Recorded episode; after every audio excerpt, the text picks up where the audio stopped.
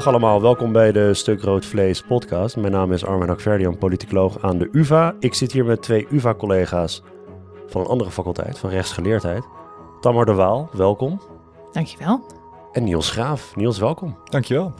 De eerste podcast met de nieuwe, nieuwe apparatuur. Dank aan de KNAW die ons ooit een ehm, beursje hebben gegeven voor kennisbenutting. Nou, dus meteen ingezet voor... Uh, laten we het benutten. Laten we het meteen benutten, ja. Laten we eens beginnen met een voorstelrondje. Jullie zijn juristen allebei. Wat voor onderzoek en onderwijs doen jullie, Niels, als ik met jou mag beginnen? Uh, ja, mijn, mijn onder, onderwijs is heel, heel staatsrechtelijk. Uh, dus dat, gaat echt, uh, dat is echt voor de bachelor- en masterstudenten in de, in de rechtsgeleerdheid die ge, geïnteresseerd zijn in, in het constitutionele recht. Maar mijn onderzoek gaat eigenlijk over constitutionele cultuur. En vooral afgelopen jaar heb ik mijn blik vooral gewend op Duitsland, Italië en Frankrijk. En sinds een jaar kijk ik ook echt naar Nederland. Um, en ik, uh, ja, deze verkiezingsuitslag, uh, ja, die uh, deed me wat dat betreft wel schrikken. Maar daar hebben we het zo meteen nog over. Dat, ja, je hebt een hoop studiemateriaal, denk ik, zeker. erbij gekregen. Ja, ja nee, het is, Nederland wordt hip en zorgwekkend. net als eigenlijk al die andere landen. Tamar, jij? Ja, ik ben rechtsfilosoof en ik doe op dit moment onderzoek naar burgerschap. Uh, dus uh, de manieren waarop de democratische rechtsstaat zijn eigen waarden en misschien ook wel vaardigheden die daarbij horen kan overdragen aan burgers. Ik heb onderzoek gedaan naar inburgering, uh, wat eigenlijk een deelonderwerp is natuurlijk van het bredere burgerschapsvraagstuk. Dus ik ben veel bezig met dat de democratische rechtsstaat meer is dan bepaalde formele procedures en instituties, maar dat er ook een bepaalde maatschappelijke rechtsstatelijke cultuur of ethos bij hoort. En uh, vanuit dat perspectief valt er natuurlijk ook heel wat te zeggen over de laatste verkiezingsuitslag. Ja, laten we maar even een paar weken teruggaan in de tijd. De verkiezingsuitslag was, uh, was in die zin een, een verrassing. De grootte van de overwinning was denk ik een verrassing. Maar iedereen zag wel aankomen in die campagne dat het deze kant op ging. Hoe hebben jullie die verkiezingscampagne uh, beleefd? met name ook omdat het over migratie ging. Een thema waarop natuurlijk voorgaande regeringen iedere keer die randen van de rechtsstaat hebben zitten uh, aftasten en er zo ook een paar keer overheen zijn gegaan. Hoe, hoe was het om deze campagne te volgen? Um, ja, dit gaat een beetje eh, vreemd klinken, maar ik, ik heb het, eh, de hele campagne eigenlijk niet gezien vanuit het uh, migratievraagstuk, maar meer vanuit, uh, weet de PvdA en GroenLinks uh, de belofte een beetje hard te maken. En ik kwam er eigenlijk pas achter een week voor de verkiezingen, toen vroegen studenten aan mij, eerstejaars studenten, ja meneer, ja, denkt u ook dat de PVV de grootste wordt? En ik zei nee. En, en ik, had, ik had er echt, ik had dat, dat, ik heb het gewoon niet mogelijk gehouden dat, er, dat deze uitslag überhaupt een, een optie was. Dus ik, ik, ik heb het niet zien aankomen en wellicht ligt dat uh, aan mijn uh, beetje enigszins beperkte focus en, en, en vertrouwen, het vertrouwen in, in, de middenpartijen dat ik had. En dat, uh, dat is nu weg. Ja, ik maakte me eigenlijk al zorgen vanaf het moment dat het kabinet viel. En dan ook zorgen vanuit rechtsstatelijk perspectief. Uh, want ik zag eigenlijk geen manier waarop dit goed kon aflopen. Uh, en dat kwam omdat we hebben gezien dat de VVD het uh, kabinet liet vallen op uh, gezinshereniging van oorlogsvluchtelingen. Dus het was een bredere migratiediscussie, zeiden ze. Maar later is dat wel helemaal uitgesplitst dat ze eigenlijk best wel ver waren in het komen tot een specifiek pakket. Dus met de, de, toenmalige coalitie, inclusief de ChristenUnie en D66. Maar het stukje dat ging over gezinshereniging van oorlogsvluchtelingen, dat ging ChristenUnie en D66 echt te ver omdat het een grondrecht betreft. Dus dat kan je rechtsstatelijk eigenlijk niet tegenhouden zonder dat je dat grondrecht wil schaden. En aangezien de VVD op dat punt het kabinet liet vallen, dacht ik, de VVD blijft natuurlijk een invloedrijke partij, misschien wel weer de winnaar. En dan kunnen zij natuurlijk na de verkiezingen niet weer met de PvdA of GroenLinks of met D66 of met ChristenUnie. Zij moeten, om het te legitimeren dat ze het kabinet hebben laten vallen, met een partij gaan die ook daadwerkelijk die gezinshereniging wil stoppen. Want anders heeft het geen enkel nut gehad of is het niet logisch. Dus ik zag eigenlijk die samenwerking of het uitkomen op een, een, uh, een, verkiezing over migratie. Maar niet alleen over migratie, maar echt over de rechtsstatelijke beginselen waarin we zouden moeten, waar we rekening mee zouden moeten houden op het moment dat we over migratie denken, die stonden op het spel. En dat werd natuurlijk nog erger, zo gezegd, toen de VVD-leider Jesilgus ook nog eens zei: Ik wil wel samenwerken met Wilders, mogelijk omdat ze daarin dus ook aangaf dat ze dat uh, terugbrengen van de migratie um, ook wel met Wilders zou willen bespreken. Wat ook wel natuurlijk snel leidt tot niet uh, rechtsstatelijke uh, plannen. En ik zag ook dat omdat ze dat zei, dat ze ook nadat de verkiezing was geweest, heel moeilijk het principiële punt nog kon maken dat ze niet met Wilders wilde samenwerken vanwege de rechtsstaat. Dus die deur had ze eigenlijk zelf ook al gesloten. Dus ik zag het uh, um, uh, somber in. Ik heb op de dag zelf voorspeld dat de PVV zou winnen uh, tegen mijn echtgenoot. Uh, maar dat, die, dat het met zo'n overtuigende marge zou winnen, dat had ik niet zien aankomen. Ja, de VVD heeft wat dat betreft natuurlijk wel echt hoog spel gespeeld. Maar, maar des te merkwaardiger is ook hun campagnestrategie in het licht hiervan. Want je kan eigenlijk niet met partijen samen gaan werken uh, die dus die gezinshereniging, uh, zoals de VVD, ter discussie willen stellen. Dan blijft eigenlijk alleen maar de mogelijkheid om met Wilders en gelijkgezinden als de PVV te gaan regeren. Ja, precies. We hebben het daar met, met, met collega's over gehad. Dat, dat zwabberbeleid, die strategie ook van, van de VVD is, is zo merkwaardig in deze. Ja, kapitale misrekening dat ze ook dat onderwerp hebben geselecteerd om daar dan uh, hè, de, de, de, de, verkiezingen over te laten gaan. Maar ik, ik kom er gewoon voor uit wat je wil qua beleid. Dat, dat argument dat zij nu gebruikt van um, we hebben zetels verloren, dus daarom past ons even geen plek in de regering of pas op de plaats. Dat is zo'n uh, oneerlijk argument. Ja. Je kunt nu spijkers met koppen slaan op dat dossier waarin jij een kabinetscrisis hebt veroorzaakt. Wat je achterban al jarenlang verlekker je ze ermee. Allemaal beloftes waarvan je waarschijnlijk zelf weet van ja, rechtsstatelijk kunnen ze niet. Maar retorisch scoort het lekker. Maar ze durft nu gewoon niet die laatste stap te zetten. Ja, maar ik denk dus dat uh, de VVD en Jezilkus nu zelf dat principiële punt niet meer kan maken zoals ik al zei, omdat ze dat tijdens de verkiezingen uh, al heeft opgegeven. Door te zeggen dat ze wel met Wilders wilde regeren. En ik denk dat haar huidige weigering om echt vol in het uh, kabinet of in de coalitie te gaan zitten een puur strategische is. Dus ik denk dat zij denkt dat um, op het moment dat zij in de coalitie met Wilders zou zeggen, zitten, terwijl Wilders de grootste is, dan verlies je vaak als partij. Die een kleinere partij in de coalitie is vaak een partij die in de volgende verkiezing eraan gaat. Uh, maar als je het ook een beetje uittekent, stel dat kabinet doet het goed, heel slecht nieuws voor de VVD, want dan is dus de, de PVV de grootste geweest nadat de uh, VVD dat 13 jaar was.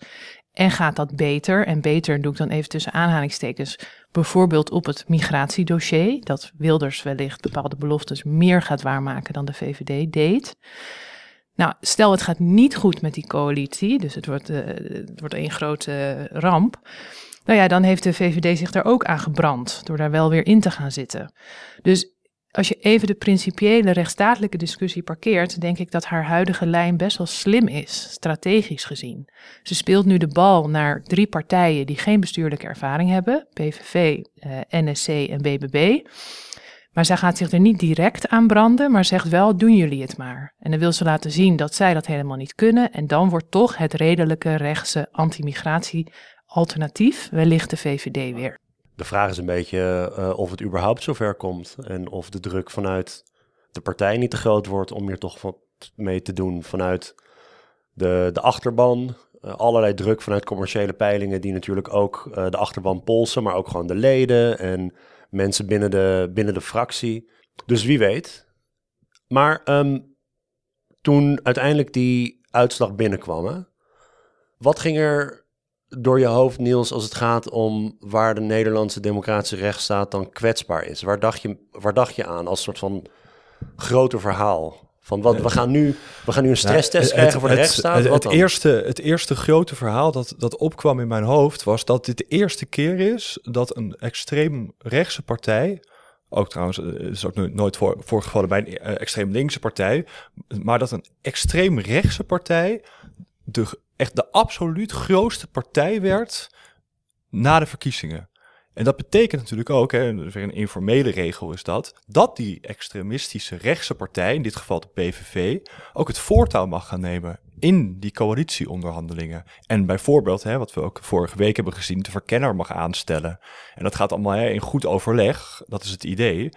Ehm, maar dat vond ik uh, een, een, wel een, het, eerste grote verhaal. Dat je dus, dus het, het, einde van een bepaalde uh, politieke geschiedenis, die we eigenlijk uh, een soort poldermodel, waar altijd de, de grote middenpartijen de dienst uitmaakten. Dat is denk ik het eerste. en dan wel de Tweede Kamerverkiezing, denk ik. Want we, hadden, we hebben natuurlijk wel zeker, ja, die provinciale... BBB en Forum in de Eerste Kamer en provinciale. Zeker, zeker. Maar als het gaat echt om die, die, de, de Tweede Kamerverkiezingen, was dit denk ik wel een, een unicum. En dan begint inderdaad direct te tellen van hoeveel zetels heeft uh, extreem rechts. Uh, en uh, dan tel ik voor het gemak even ook uh, de Boerenburgerpartij daarbij. En ook uiteraard het Forum en Ja 21. Ja, het, het, is wel een alarmerend aantal. maar nog niet voldoende. Niet, nog niet voldoende voor een absolute meerderheid. dus ik, ik, wil, ik wil niet te zwartgallig zijn, maar ik, ik, ik wil wat mij, wat mij vooral ja, in mijn hoofd dus opkwam, is ja, dit is wel als Nederland verlaten we hiermee dus wel het, uh, het Nederlandse uh, ja, uh, normaal, het, het, het, normale paadje dat we altijd bewandelden. En we zijn nu eigenlijk, ja, we lijken nu meer op Italië dan in de afgelopen decennia. maar waar concreet zitten die zwakheden? Of die, waar, waar is de Nederlandse rechtsstaat dan kwetsbaar? Ja, als je echt eigenlijk naar die zwakheden kijkt, ehm, heel concreet, ehm, zou ik dan meteen gaan, denk ik dan meteen aan rechtersbenoemingen. Uh, er zijn nou twee problemen nu. Het eerste probleem is dat wij een uh, raad voor de rechtspraak hebben. Dat hebben heel veel Europese EU-landen trouwens, dus dat is, dat is niets geks. Maar de rol van de minister van Justitie is heel erg groot daarin. Dus wat het eigenlijk, ik wil niet in alle details gaan treden, maar het betekent dat de minister uiteindelijk gaat uh, over wie uh, rechters gaat benoemen. Uh, want de Raad voor de Rechtspraak is daarvoor verantwoordelijk. En de bestuurders binnen de Raad voor de Rechtspraak worden weer benoemd door de minister. Dat betekent dat het qua checks en balances is het allemaal niet heel erg goed geregeld als het gaat om de onafhankelijkheid van de rechterlijke macht ten opzichte van de regering. En dat ging altijd goed, want uh, bijvoorbeeld als we kijken naar Hoge Raadbenoemingen, was het idee altijd dat uh, nou ja, de Hoge Raad tovert uit het binnenzakje van een jasje een lijstje met namen. Die namen worden dan doorgegeven aan de Tweede Kamer. En de Tweede Kamer kiest dan weer de bovenste drie. En die, worden dan, die drie namen worden weer doorgegeven aan de minister. En dan wordt die kandidaat die op nummer één stond, volgens de Hoge Raad dan, werd dan benoemd tot een nieuw lid van de Hoge Raad. Ja, nu krijgen we een geheel andere situatie eh, vrees ik. Omdat je uh, een, eh, de, de, hele, de, de, de, verhoudingen zijn totaal veranderd in de Tweede Kamer. En we, we zagen het al in 2011. Um, ja, er, wordt wel een, er worden kanttekeningen geplaatst bij die suggesties of, of de, de, de voorkeuren van de Hoge Raad zelf. Uh, in 2011 leidde dat uh, zelfs ertoe dat, dat de Hoge Raad gedwongen werd om een, uh, om een suggestie weer in te trekken. Dat is een publiek geheim, maar dat heeft Geert Korstens toen gedaan om de rechterlijke macht te beschermen. Want het leek er toen op dat de PVV dat heel in, de, in, in de krant en publiekelijk zou gaan uitspelen. En ook in de Tweede Kamer een hoofdelijke stemming wilde gaan eisen. is allemaal niet gebeurd. Um, maar nu, ja, nu, nu hebben we te maken met een nog groter extreem rechts. En ik, ik vrees dat dat dus um, allereerst uh, de komende, in de komende jaren zichtbaar gaat worden in die benoemingsprocedures van rechters en in het bijzonder van uh, rechters voor, van de Hoge Raad.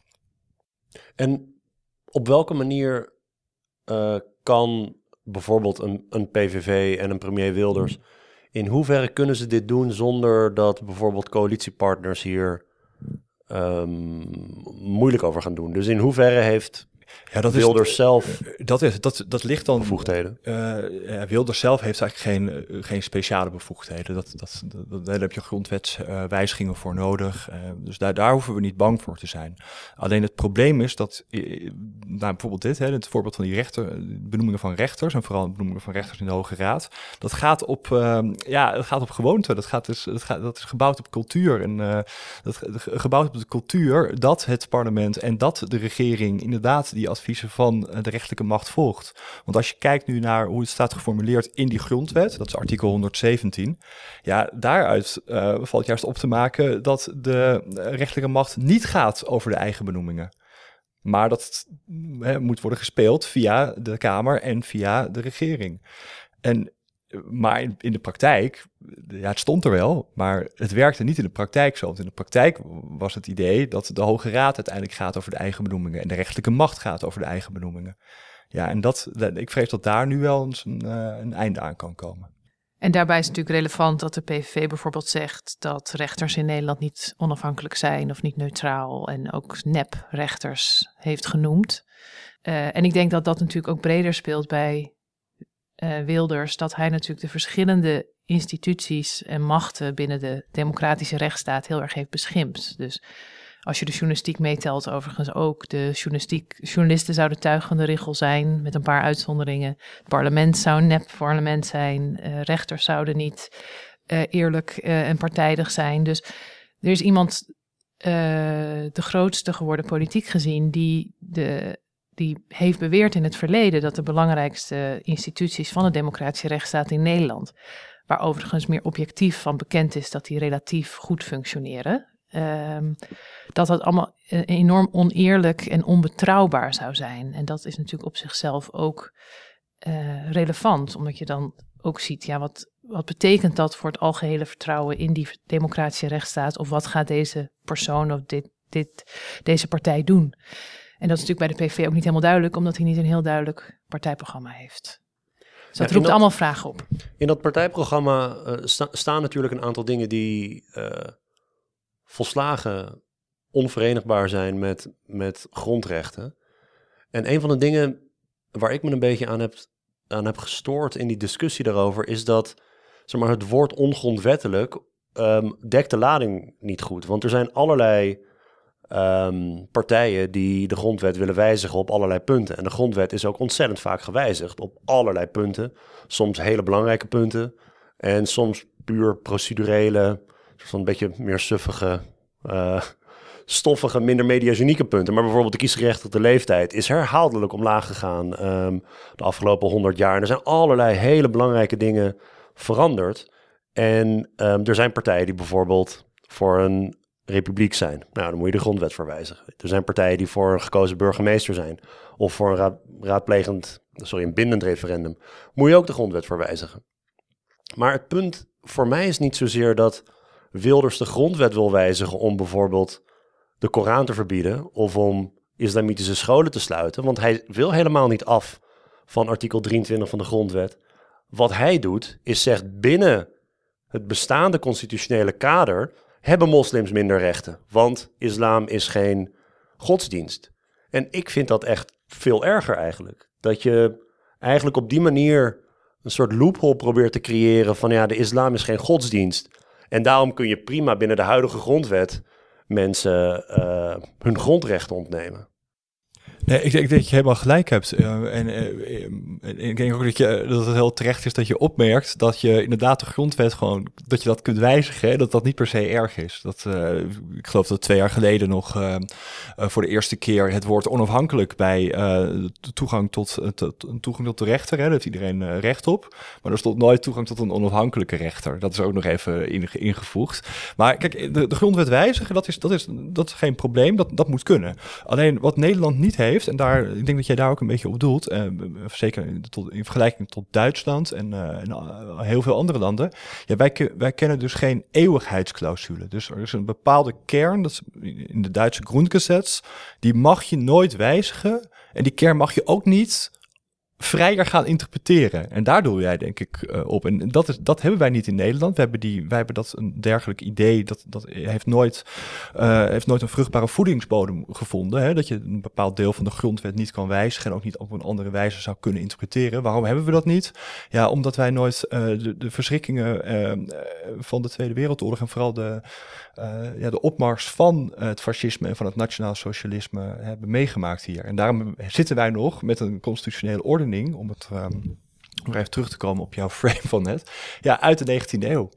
En daar, daar, dat was een vrije 19e eeuw, waarin juist er heel veel ruimte moet kunnen zijn voor grondwetswijzigingen, voor verschil van mening. En, de, ja, en daar zitten we nu mee, met een constitutionele ordening, maar wel uit de 19e eeuw. En de, en, de erfenis daarvan, ja, die, daar, moeten we nu een, uh, daar moeten we nu een oplossing voor vinden.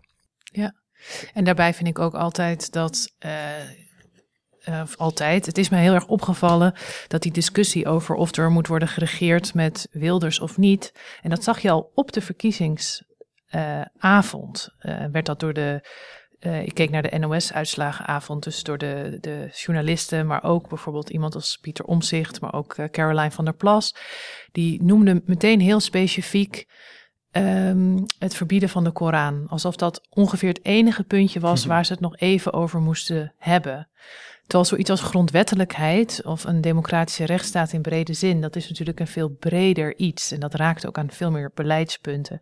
Dus uh, onze collega Laura Burgers had afgelopen week, vond ik, een goed stukje in een opinieartikel in de Volkskrant.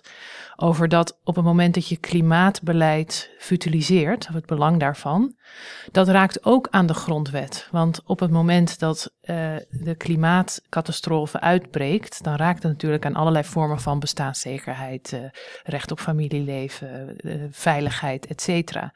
Dus zij, zij zegt ook in dat stuk van de formerende partijen moeten niet alleen maar heel nauw kijken naar wat staat er in dat verkiezingsprogramma en hoe sluit dat aan bij de huidige grondwet, maar ook gewoon veel breder kijken van wat is het beleid dat wordt voorgesteld en wat heeft dat weer op effecten op de levens van Nederlandse burgers. Dus die vernauwing van die discussie heeft me erg verbaasd. Um, haast alsof ik dacht, ben ik nou de enige, ja, ik zat daarnaar te kijken, ik bedoel, ik hoop dat jullie het met me eens zijn, maar die gewoon heeft gezien wat de PVV de afgelopen 15 jaar allemaal heeft gezegd en gedaan, alsof dat helemaal niet bestond. Alsof het alleen maar was dat ene puntje van ja, het gaat even om die Koran en die is islamscholen. En dan, als we het daarover eens kunnen zijn, dan uh, dan zijn we er wel. En dan, dat, en dan ontkennen wat voor verdere boodschap het zou zijn en wat het allemaal zou inhouden om te regeren met een partij als de PVV. Om ook even, eh, even, even terug te gaan naar die rechters wat uh, ook een prangend voorbeeld is hierbij dat, dat de PVV stelselmatig rechters verdacht maakt die een link kennen met een bepaalde politieke partij. Alsof zij dus nooit onafhankelijk recht zouden kunnen spreken, omdat ze ooit in het verleden wellicht een affiliatie kennen of hebben gehad met de Partij van de Arbeid. Ja, en daarmee maak je natuurlijk dat instituut verdacht. Dus dat is dat denk ik een voorbeeld daarvan. Um, heel even over die grondwet en die vernauwing hè, daarvan ook. Ik denk dat we daar ook, uh, dat, dat, dat Wilders dat zelf ook een beetje aan meehelpt wellicht is het, ik denk dat het zelfs bewust is. Want hij heeft het nu de hele tijd over dat hij zich gaat houden aan de grondwet. Ik weet niet helemaal precies hoe hij dat heeft geformuleerd, maar hij zegt hij heeft het alleen maar over de grondwet. Waar hij het niet over heeft, dus waar hij zich wellicht alweer niet aan gaat houden. Hij wil zich wel blijkbaar gaan houden aan de grondwet. Maar hij heeft het nooit over internationale verdragen. Hij heeft het nooit over het uh, Europees Verdrag voor de Rechten van de Mens. Um, als hij het dus heeft over, ja, ik ga me houden, netjes houden aan de grondwet. Ja, daarmee uh, hebben we slechts een deel te pakken. En uh, stel je voor, hij gaat al doen. Dat betekent dus niet dat hij zich gaat houden aan, aan het EVRM. En daarin, bijvoorbeeld Urgenda, om, om, dat stuk ook nog even ter, op terug te komen, hè, van Laura Burgers.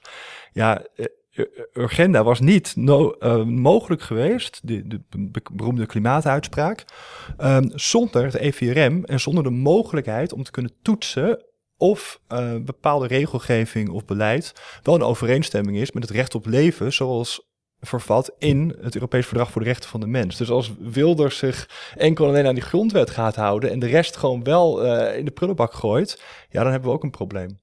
Ik zit iedere keer met deze hele discussie waarin, waarin we nu zitten, zit ik iedere keer tussen twee soort van, um, ja, meer de formele kant. Wat kan die nou allemaal formeel? En wat heb je er nou allemaal nodig voor, um, ja, om, om, om wetten te veranderen, om regels te veranderen? En wat zijn nou de dingen waarbij informeel allerlei normen en waarden worden uh, langzaamaan worden geërodeerd totdat ze op een gegeven moment eigenlijk geen betekenis meer hebben? En dat Wilders op verkiezingsavond voor de NOS-camera's hardop zegt: Ik ga geen ongrondwettelijke voorstellen doen. Dat, dat klinkt ergens als, nou ja, dat is iemand die over zijn schaduw heen springt. Ik vind het schokkend dat zoiets hardop gezegd moet worden.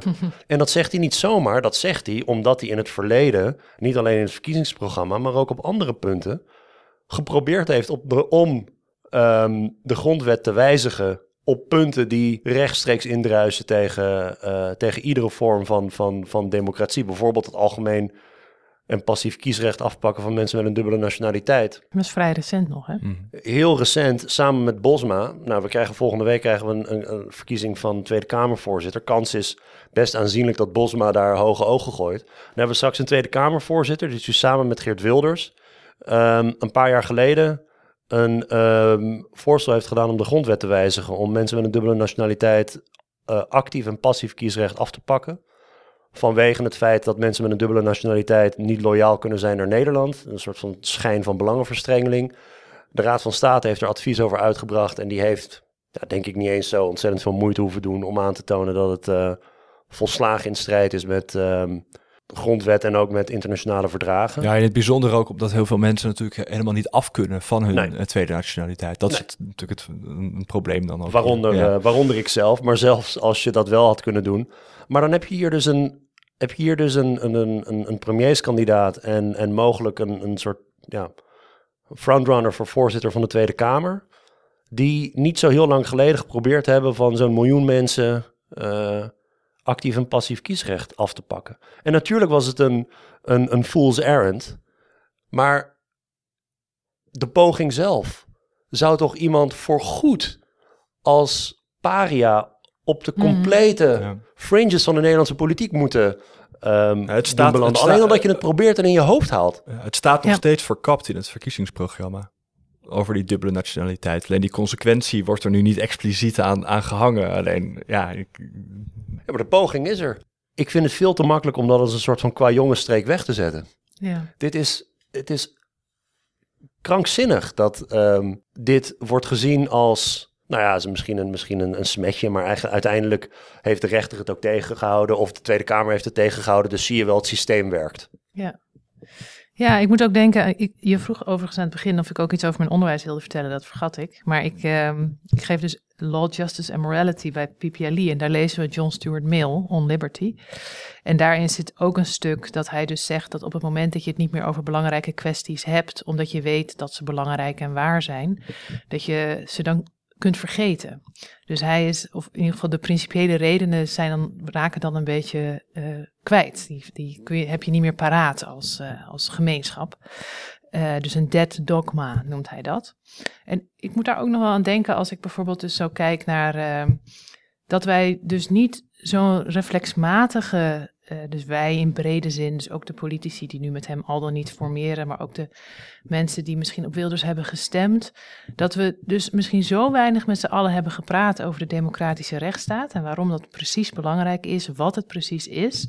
En ook op een haast habitueel niveau helemaal niet meer verinnerlijkt hebben, dat we gewoon terugschrikken van dat soort dingen, dat dat eigenlijk allemaal genormaliseerd is, enorme normerosie, zeker op het vlak van migratie of mensen met een migratieachtergrond, mensen met dubbele uh, paspoorten. Die hoek is ook wel denk ik echt de hoek waar die normerosie enorm heeft plaatsgevonden.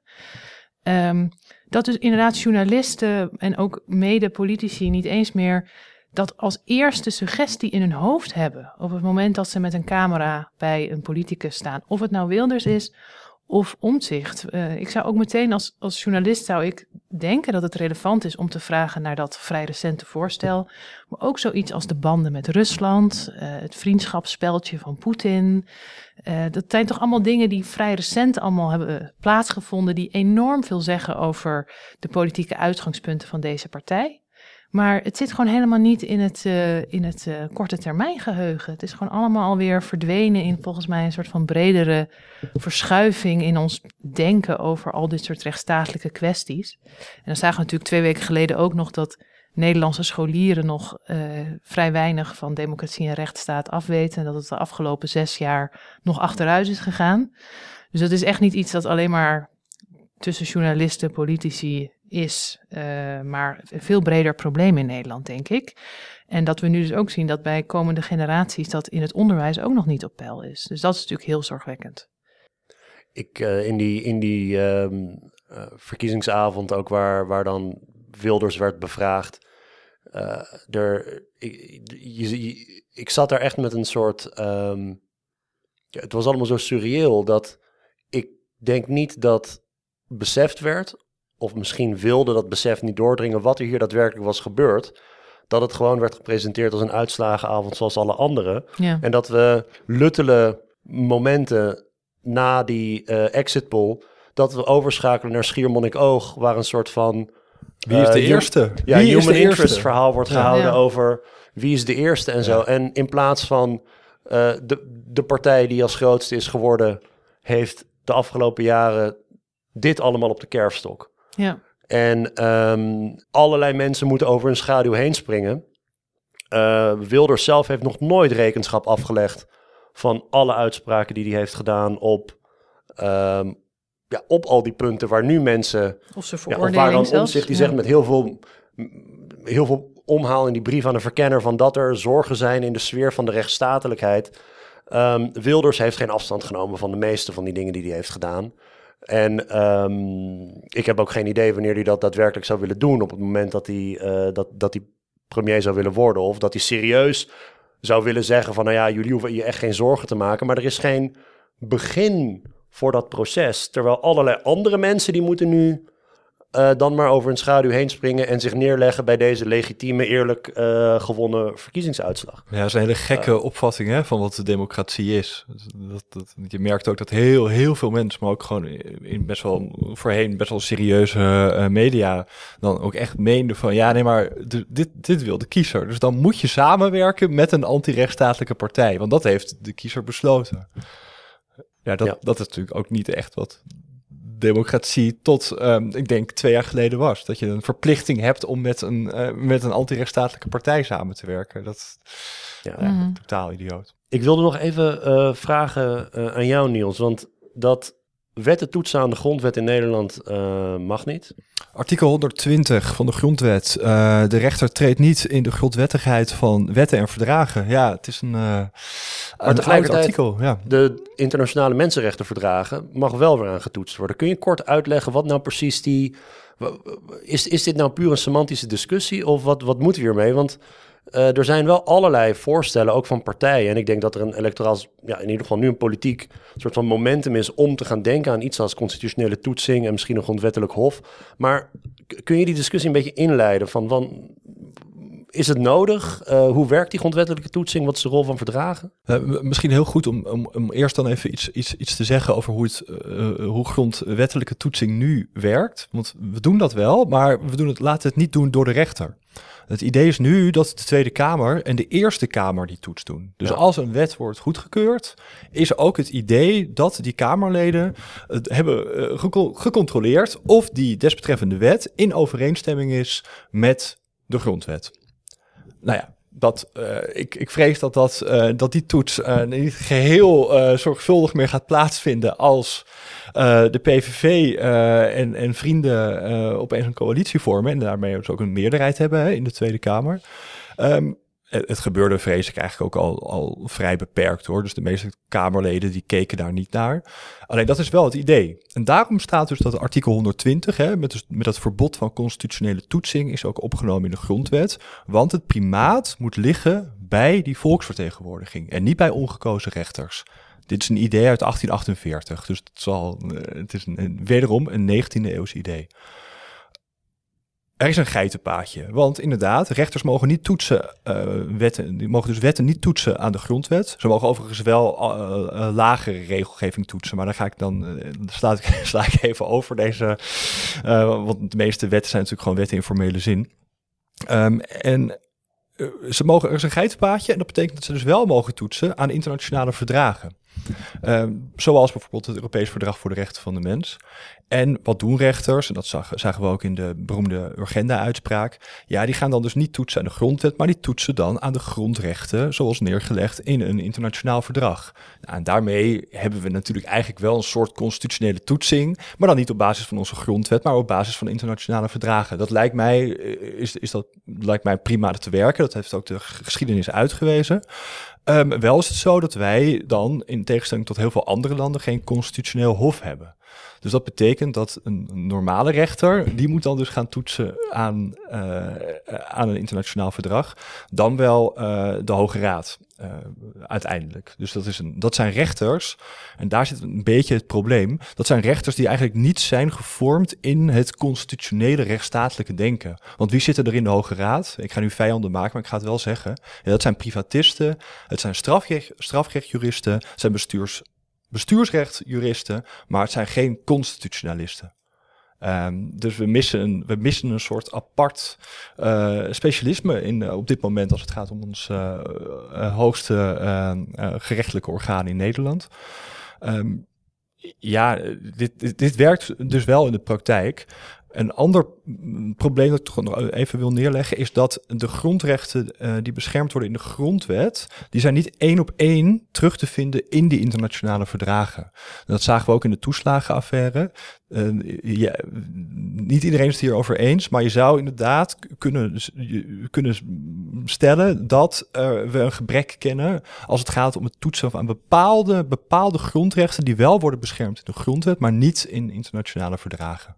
Ja. Dat is het. Uh, ik denk dat dit het uh, hele korte, al iets te lange relaas was. Ja, en waarom, waarom we nu dan denk ik wel echt toe moeten naar die afschaffing van artikel 120, en dan eindig ik, is omdat, we, omdat je daarmee een extra verdedigingslinie opbouwt. Dus geef dan inderdaad een, een, een apart instituut, wellicht een Nederlands constitutioneel hof, of geef die rechters gewoon de bevoegdheid om die, die, die wetten die wellicht coalitie onder leiding van Wilders gaat uitstralen gaat uitstrooien over het land. Maar geeft dan rechters wel de bevoegdheid om ook die grondwet dan zelf uh, naast die wetten te kunnen leggen. En dan eventueel uh, ja, terzijde te schuiven. Ja, en als ik een korte toevoeging mag doen, is dat ik denk dat die, dat artikel 120 in de grondwet, dat zet ook heel erg de toon. Dus het feit dat daar zo expliciet staat dat rechters niet aan de grondwet mogen toetsen, uh, dat is ook natuurlijk een heel sterk signaal naar rechters dat ze daar terughoudend in moeten zijn. En als je bijvoorbeeld naar de toeslagenaffaire kijkt, dan zie je ook heel erg dat in die beslissingen en ook wel in de latere analyse van de Raad van State, hoewel ze uiteindelijk wel excuses hebben aangeboden voor het niet snel genoeg ingrijpen, um, zie je wel dat dat artikel 120 dat dat enorm hun, uh, hun, hun taakopvatting beïnvloedde. Dus uh, in dat opzicht denk ik ook dat, uh, dat, zo zien zij ook dat dat de Nederlandse traditie heel erg is. En dat als er onrechtvaardigheid optreedt als gevolg van beleid, wat ogenschijnlijk de grondwet raakt, dan denken zij, ja, dat is niet ons probleem, dat is het probleem van de wetgever. Dus de wetgever moet dan bijsturen. Dus ik denk ook vanuit dat perspectief dat het goed zou zijn om dat artikel uh, te doorbreken is het wel weer zo, dan kijk ik ook even naar Niels, dat uh, ook de toeslagenaffaire heeft laten zien dat de grondwet heel direct niet zo heel veel zou hebben geholpen. Eigenlijk hebben wij een grondwet die heel veel aangeeft dat je bepaalde rechten hebt, behalve als de wet er nog iets specifiekers over zegt. Uh, dus dat zijn best wel moeilijke uh, grondwetsartikelen om mee te toetsen. Dus wat dan ook wel veel gezegd wordt, was dat, er, dat de grondwet dan zo moet worden gezien dat het ook een aantal ongeschreven beginselen kent. En dat je dus beginselen als evenredigheid en proportionaliteit, dat rechters daar ook op moeten uh, kunnen toetsen. Maar hier kan je dus ook weer over uh, soebatten, namelijk moet de rechter alleen heel sec kijken naar de grondwet of mag de rechter dan, als we 120 zouden opheffen, ook nog die ongeschreven beginselen meenemen? Dat zou nog meer toets uh, mogelijkheden geven. Maar dan krijg je natuurlijk ook alweer de discussie: krijgt de rechter dan weer niet te veel macht om uh, wetgeving dat is aangenomen, of die is aangenomen door de hoogste uh, wetgever in Nederland terug te fluiten? Het zou in ieder geval niet heel erg opmerkelijk zijn uh, vanuit de bril van al onze mede-EU-lidstaten. Dus ik, vorige week werd ik toevallig werd ik even gebeld naar aanleiding van de verkiezingsuitslag over, nou ja, over de opmerkelijke winst van de PVV. Dat was door een, een Duitse professor. En hij zei, ja, maar, maar hoe, hoe, ik snap het niet. wat, wat voor partij is dat eigenlijk nou, de PVV? Hoe, hoe, er is geen, er is, is, is er interne democratie? Uh, ik zei, nee, uh, hij zegt, maar hoe kan dat dan? Want in Duitsland heb je dus een, een, een partij gezet en daar heb je een verplichting tot interne democratie. En toen legde ik aan hem uit van ja, nee, er is wel een soort idee van, nou ja, hoe je een partij zou moeten vormgeven, hè, mal van een vereniging.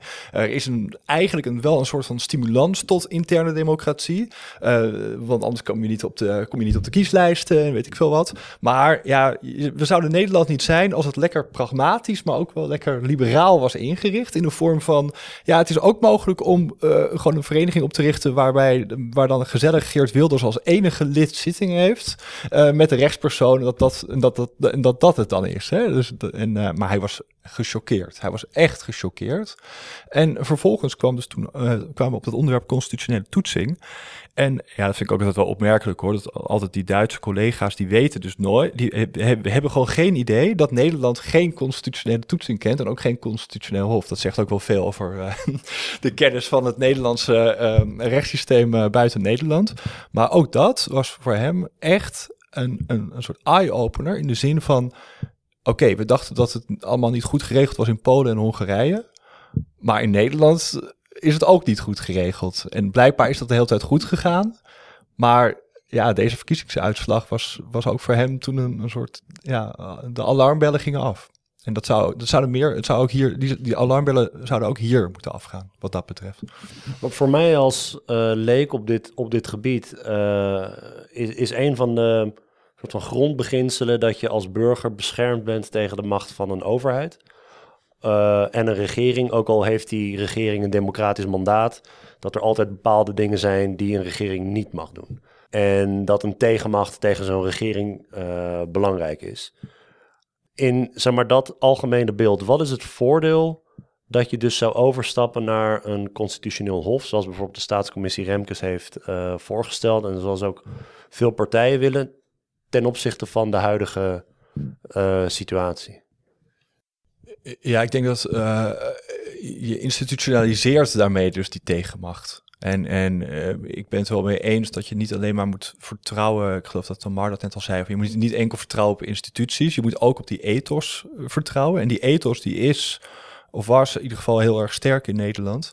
Um, maar ik zou het, denk ik, denk dat, dat het niet onverstandig is om dan uh, uiteindelijk toch zo'n rechtsstatelijke verdedigingslinie te institutionaliseren. En dat kan bijvoorbeeld in de vorm van een constitutioneel hof uh, met eigen bevoegdheden en, en, en ook uh, echt de mogelijkheid om wetten die ingaan tegen, tegen de grondrechten ehm, terzijde te schuiven. En niet te vertrouwen op, op Kamerleden die dat wel gaan doen. Of rechters die uh, het aandurven om, om, om te gaan toetsen aan internationale verdragen. Want dat, dat risico lopen we ook nog. Hè? Dat, nu, dat rechters wellicht nu terughoudender gaan zijn in het gebruik maken van die internationale, internationale verdragen. Omdat ze dus een, ja, een soort bang zijn voor een tegenreactie uit Den Haag. Ja, ik denk ook wel dat. Ehm, Soms als je nu de discussie over grondwettelijke toetsing hoort, dan lijkt het net alsof er helemaal geen argumenten zijn voor het huidige model. Maar ik denk dat dat ook niet helemaal waar is. Dus ik denk dat zowel aan toetsen door de wetgever, dus de Tweede en Eerste Kamer, als toetsen door rechters zitten voor- en nadelen. Dus wat de nadelen zijn van, uh, of de voordelen vroeg jij volgens mij, van, de, van het bij de rechter leggen, is denk ik inderdaad, nou stel je leeft in een tijd waarin het uh, de politieke tij wat omslaat. Uh, dan heb je nog een linie bij de rechter om in ieder geval bepaalde grondrechten op zijn minst nog een tijdje te beschermen. Want ik denk ook niet dat dat uh, volledig de democratische rechtsstaat zal redden als het echt misgaat. Een ander voordeel is natuurlijk dat wetgeving altijd gevolgen kan hebben waar de wetgever gewoon geen rekening mee gehouden heeft. Dus wetgeving die gewoon in, voor bepaalde concrete gevallen of voor bepaalde groepen onevenredig hard uitpakt, zonder dat de wetgever dat per se wilde. Nou, dan kan de rechter in dat geval ook bijsturen. Maar goed, een mogelijk nadeel is wat je ook natuurlijk wel eens ziet, is dat juist de rechterlijke macht een vrij conservatieve kracht is in een samenleving. En dat grote meerderheden eigenlijk, uh, bijvoorbeeld in, het, uh, in, het, in, de, in de Verenigde Staten, begin van de 20e eeuw, heb je gezien dat uh, de Supreme Court heel veel sociale wetgeving heeft afgeschoten als ongrondwettelijk omdat ze dat dus uh, uh, tegen de grondwet vonden ingaan om bijvoorbeeld een bepaalde maximaal aantal uren voor uh, om, om te kunnen werken. Dat vonden zij ingaan tegen de vrijheid die in de grondwet zat. Dus daar zag je dat meerderheden democratisch gezien voor sociale wetgeving waren, maar rechters dat dan tegenhielden. Dus je kan natuurlijk ook weer historische situaties bedenken waarin zo'n rechterlijke toets juist weer conservatief of juist schadelijk uitpakt. Dus het is niet helemaal zwart-wit. Maar ik zou ook zeggen, aangezien we al op internationaal recht toetsen, maar we ook een mooie eigen grondwet hebben, uh, we ook bij de toeslagenaffaire hebben gezien dat dat uh, wellicht zou hebben geholpen. Ik bedoel, dat zouden we, moeten we denk ik ook niet we zouden hier misschien een eigen podcast over moeten maken. Ja. Maar uh, ja, als de, als, de, als de rechter zo'n antenne niet heeft, dan, ja, dan denkt hij er misschien ook niet aan om die grondwet te gebruiken als dat wel kan. Maar goed, uh, wellicht had het een beetje geholpen. Dus uh, om die het heeft, het heeft natuurlijk ook meer, bredere implicaties. Hè? Dus als je de mogelijkheid hebt om te, als rechter om te kunnen toetsen aan die grondwet, gaat die grondwet ook meer leven in de samenleving. En nu, op dit moment, ja, als ik hier in de Atheneum boekhandel naar binnen loop, ligt er geen grondwet. Uh, sterker nog, als je een grondwet wil kopen, dan moet je echt heel, heel, heel heftig zoeken op internet. En dan wellicht vind je er een, maar dat is een oude versie, een oude druk. Er is op dit moment uh, geen grondwet in de, in de markt. Als je in Duitsland of in Italië of in Frankrijk een willekeurige, echt een niveautje Bruna, hè, binnenloopt, ligt daar de Grundgesetz, ligt daar de Constitutione. Hoe komt dat? Ja, onder andere omdat er dus een grondwetscultuur is. En die wordt mede in stand gehouden en ook wel aangewakkerd door die rechters die gebruik maken en wapperen met die, uh, met die constituties in hun hand. En dat, ja, dat, dat, ik denk dat dat wellicht ook helpt. En zeker in deze tijden waarin uh, te veel mensen uh, te weinig weten van de grondwet en van grondrechten en van de constitutie in het algemeen, lijkt me dat ook misschien nog wel een argument voor constitutionele toetsing. Ja, ik, ik wilde precies eigenlijk dat punt maken. Want, want Tamar, je had het uh, over uh, dat burgerschapsonderwijs. Um, het is niet alleen maar het onderwijs. Het is in, in brede zin heb je in het Nederlandse politieke discours heb je heel weinig discussies over dit soort zaken. Ja. Zoals je die wel in andere landen hebt. En uh, ja, ik, ik, ben, ik ben dus geen, geen jurist, maar ik volg natuurlijk wel de politiek ook als boven geïnteresseerd burger. En ik weet veel meer van de Amerikaanse constitutionele cultuur als nieuws, nieuwsconsument dan die van mijn eigen land. En um, dat, dat mes kan inderdaad twee kanten op snijden. Ik bedoel, het is niet, het is niet allemaal Hosanna. En, en, het Amerikaanse Hoge Rechtshof heeft ook op het gebied van uh, rassendiscriminatie jarenlang de deur dicht gehouden totdat die ineens open ging. En in de afgelopen paar jaar, heel recent, hebben we gezien hoe het Hoge Rechtshof weer recht heeft afgenomen eigenlijk. Ja. Maar die discussie is er wel.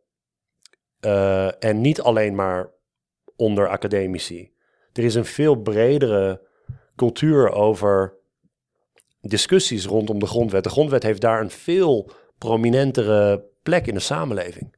Ja, ja ik vind En dus, overigens trouwens, de website van de grondwet is wel goed. Ja, die is wel goed, ja. Ik heb ja. uh, daar, daar ook gewoon allerlei... allerlei uh... Maar die bestaat ook niet zo lang, toch? Of niet?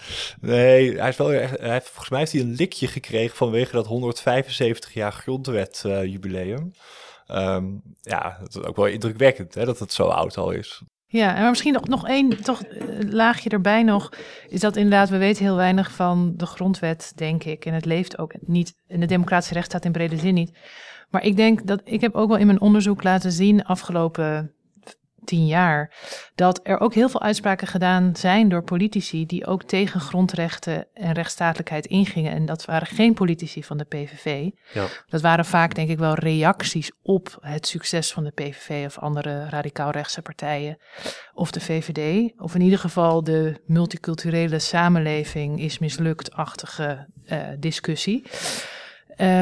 Dus om twee voorbeelden te noemen. Op de een of andere manier is de HJ schoollezing altijd een heel dankbaar onderwerp voor mijn onderzoek. Uh, waarin dus bijvoorbeeld uh, Buma zei dat het evenwicht van Europa uh, aan het, dat we het evenwicht aan het verliezen zijn vanwege migratie uit Afrika.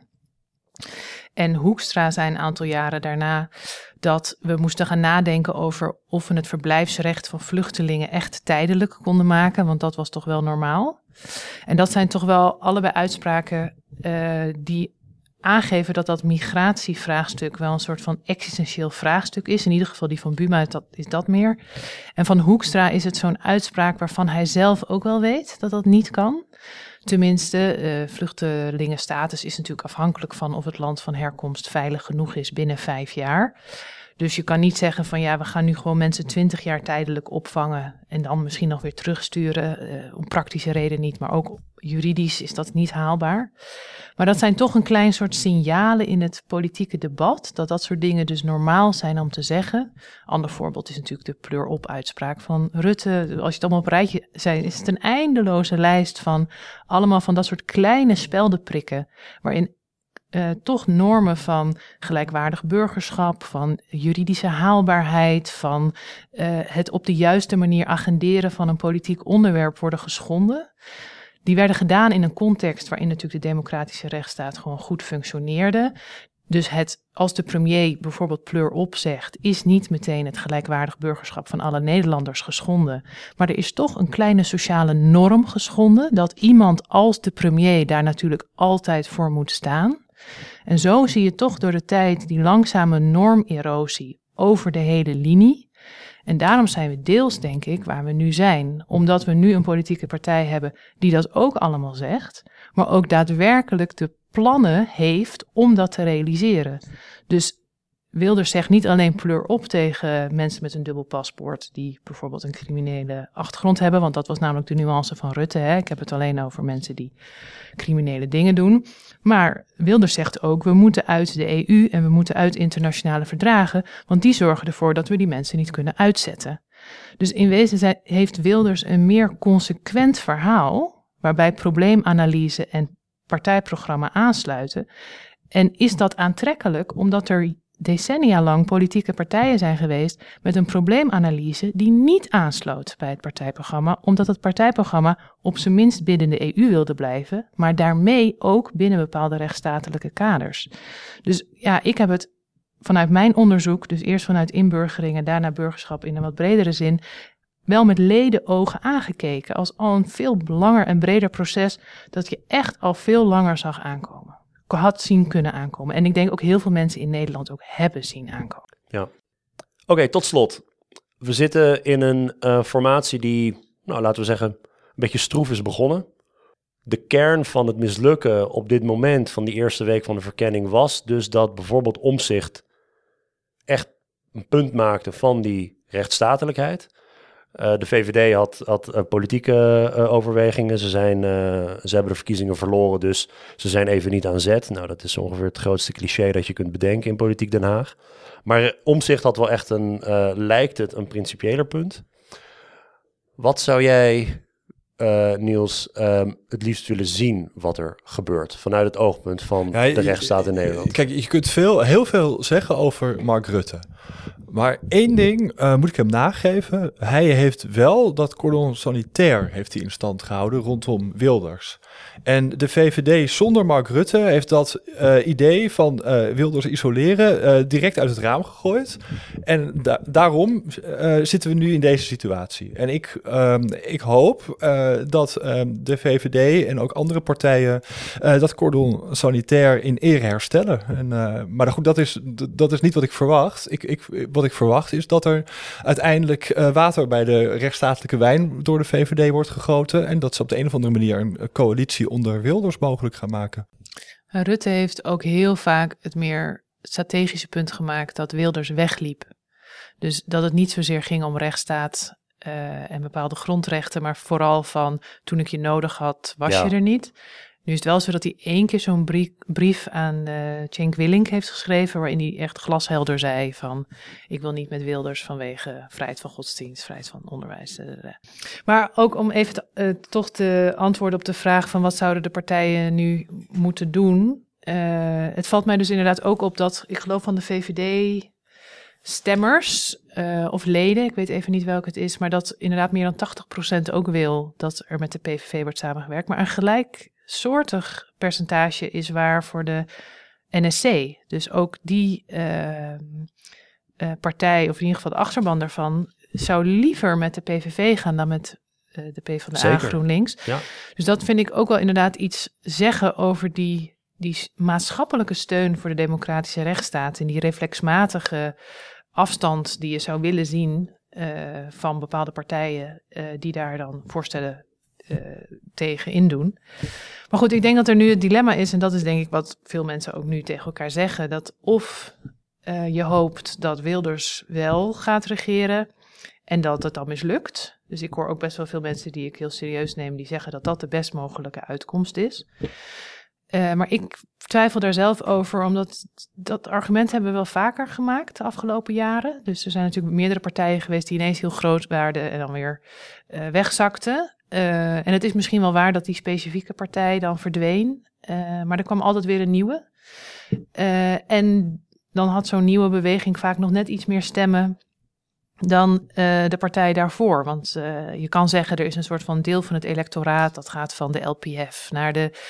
Eh, of dat begon misschien zelfs al bij Verdonk, eh, eh, Trots op Nederland. Ehm, en dat ging toen naar de BBB en dat is nu bij de PVV. En het was eerst wat verspreid over Ja 21 en Forum voor Democratie. Maar als je het gewoon optelt, zie je toch dat het, dat het aantal zetels dat naar dat soort type partijen gaat toeneemt. Dus ik heb toch het idee dat dat idee van laat ze maar regeren, geef ze maar macht. Dan zien de mensen vanzelf dat het niet werkt. Dat dat niet is hoe kennelijk de democratie of een leerproces daarbinnen. Ja, je normaliseert, je, je normaliseert bepaalde Ja. eh, opinies hè, en, en standpunten en beleid natuurlijk daarmee ook. Ja, je normaliseert het en de standaarden gaan kennelijk dan toch naar beneden voor de volgende keer. Dus ik zou dus zelf zeggen dat er dus inderdaad ook toch principieel gekozen moet worden om niet met de PVV samen te gaan. En er is ook gewoon een mogelijkheid, dat is namelijk eh PvdA, GroenLinks, VVD, eh, Nieuw Sociaal Contract en D66. Volgens mij zijn ze er dan. Eh, maar ik geloof dat helemaal niemand dat wil. Dus eh, hoewel ik zou zeggen. Ik dat zou dat wel willen. ja, van de mensen Oh, die de partijleiders zijn, bedoel ik dan. Dus ik zou zeggen dat dat eigenlijk zo klaar als een klontje zou moeten zijn, gezien het belang van de rechtsstaat. Maar daar zijn we kennelijk ver vanaf. Nee, en dat hebben ze voor de verkiezingen ook niet expliciet genoeg gemaakt. En ik vrees toch dat ook de media hier een steentje aan hebben bijgedragen met dat obsessieve ehm, geneuzel over, eh, over wie de grootste wordt. En dat de grootste in Nederland nou zo'n symbolisch krachtige eh, plek is. En weet ik veel, premiersverkiezingen, noem maar op. Dan wordt het ook moeilijker om partijen niet mee te nemen die niet de grootste zijn. Terwijl er natuurlijk helemaal niet iets ondemocratisch is aan een andere meerderheid in, in, in beide huizen van, eh, van het parlement te vinden. Ehm, dat, het, is niet, eh, dat, het staat nergens dat eh, je alleen een democratie bent op het moment dat eh, een partij met een kwart van de zetels in de regering zit. Nee, terwijl je ook, denk ik, het coalitiesysteem dat wij kennen, dat natuurlijk weer afwijkt van bijvoorbeeld een twee-partijenstelsel. Ik denk juist dat het idee daarvan is, deels, dat, dat er altijd moet worden samengewerkt, maar ook dat als een partij die niet zo wenselijk is vanuit het systeem zelf, eh, de grootste wordt, dat daar omheen kan worden gebracht. Dat is gewoon een wezenlijk onderdeel van het coalitiesysteem. Dus het is eigenlijk een extra rechtsstatelijke waarborg, maar daar hoor ik ook helemaal niemand over. Nee, sterker nog, dus mensen gaan, die menen zelfs dat je, dat je moet regeren met de grootste partijen. Ja. En wat denk jij dan, formeren of niet? Ik heb altijd gezegd, je moet nooit met partijen als de PVV eh, op een of andere manier... Die, die moeten niet in de buurt komen van regeringsverantwoordelijkheid. Het zij gedoog, het zij formeel. Ja. Eh, dat heb ik de afgelopen eh, jaren ook bij ieder college dat ging over democratie eh, voor, bij studenten en zo ehm, herhaald. Ehm, ik, ik vind ook dat sommige dingen zijn belangrijker dan, ehm, dan, dan, dan gangbare politiek over onderwerpen als eh, weet ik veel, de woningmarkt en, en, en, en belastingen. En wa- waar je, waar je met elkaar echt van mening over kunt verschillen en waar belangen anders liggen. Sommige dingen horen daar gewoon buiten. En eh, zolang, de eh, zolang de PVV zich buiten die orde plaatst, hoeft niemand ze serieus te nemen. Wat mij betreft. Mag, mag je ze niet serieus nemen. Er moet een enorm proces komen van ehm, reflectie, boetedoening eh, en noem maar op van Geert Wilders en, eh, en, zijn, en zijn partij. Wil je ook maar beginnen na te denken over eh, accepteren van de PVV. En de, dus, dus, dus er zijn sommige spelregels van, van de democratie die nooit ter discussie mogen staan. En die ook niet als onderhandelingsmateriaal in een formatie gebruikt mogen worden. Maar goed, dat, uh, dat, is, dat is vechten tegen de bierkaai uh, op dit moment, omdat er te veel mensen zijn uh, buiten de directe achterban en buiten de directe soort van top van, uh, van de PVV en, en soortgelijke partijen, die maar blijven pacificeren en maar blijven accommoderen.